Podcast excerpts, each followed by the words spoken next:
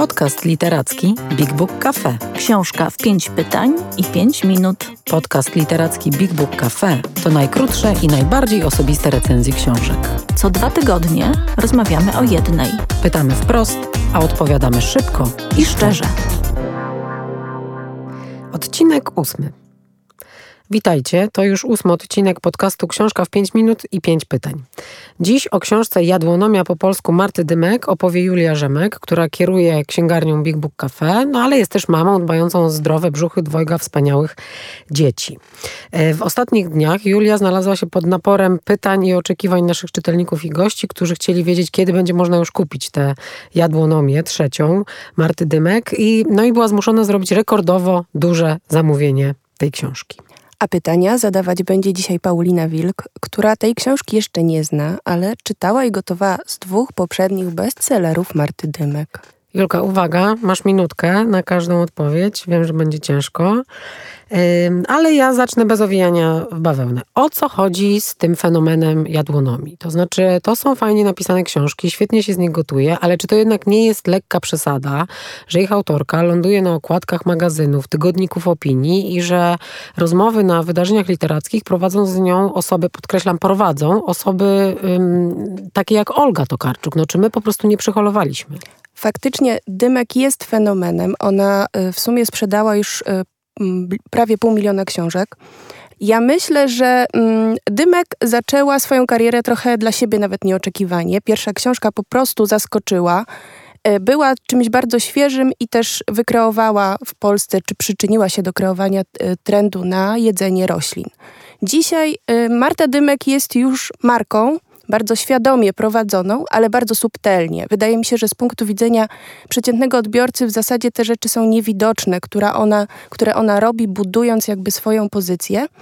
E, tej premierze Jadłonomii po polsku e, towarzyszyły oczywiście wywiady w mediach, e, sesje zdjęciowe, ale też takie proste pomysły, jak mm, filmik zrobiony przez Martę Dymek, która kotlety z ciecierzycy chyba gotowała we własnym domu. Było to w czasie pandemii, więc w ogóle nagle poczuliśmy się wszyscy tak jak ona, autentycznie, blisko.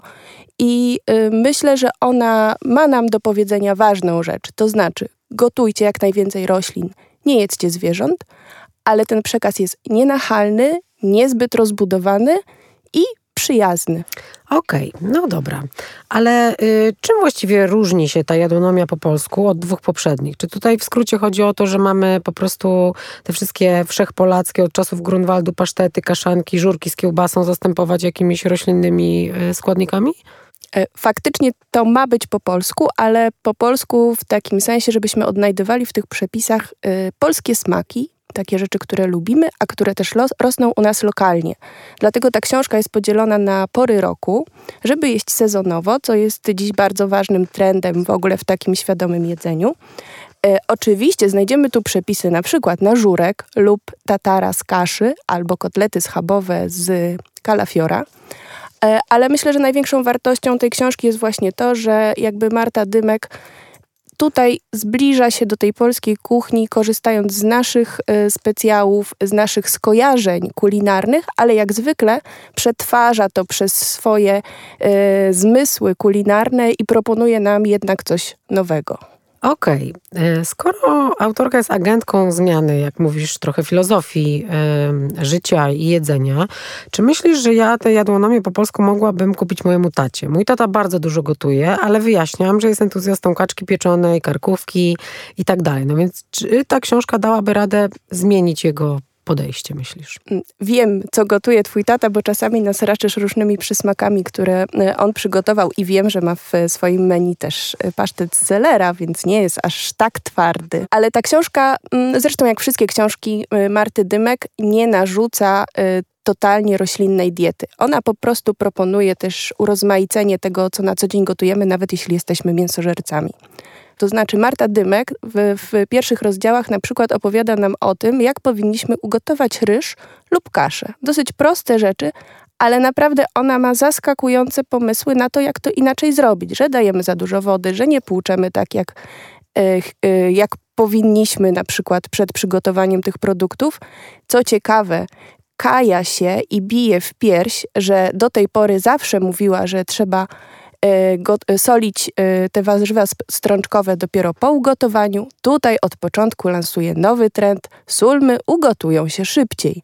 Więc nawet osoba, która gotuje do tego prawdziwego schabowego czy zrazy zawijane, może sobie ugotować fantastycznie rób ryż i kaszę i będzie to pyszniejsze niż kiedykolwiek. Ja znam osoby, które dosyć namiętnie czytują książki kulinarne, na przykład przed snem albo dla, dla relaksu, dla frajdy.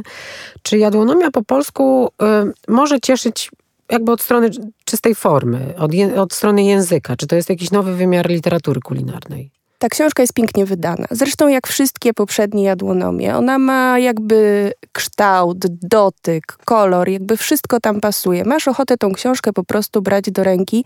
Nawet jak y, przyglądałam się y, jej dzisiaj rano, to ten papier, z którego są zrobione poszczególne strony, też jest taki, że po prostu chcesz być z tą książką w kontakcie, niezależnie od tego, czy chcesz y, z niej gotować. Język, którego używa Marta Dymek, jest bardzo prosty. Ona tak jak y, komunikat o jedzeniu y, roślin wysyła właśnie dosyć taki syntetyczny, to y, przepisy kulinarne są proste. Ona pisze, mówi do nas tak jak pisze do nas, tak jakby mówiła właśnie. Jest to język taki potoczny, nie jakiś ekstrawagancki i takie same są te przepisy.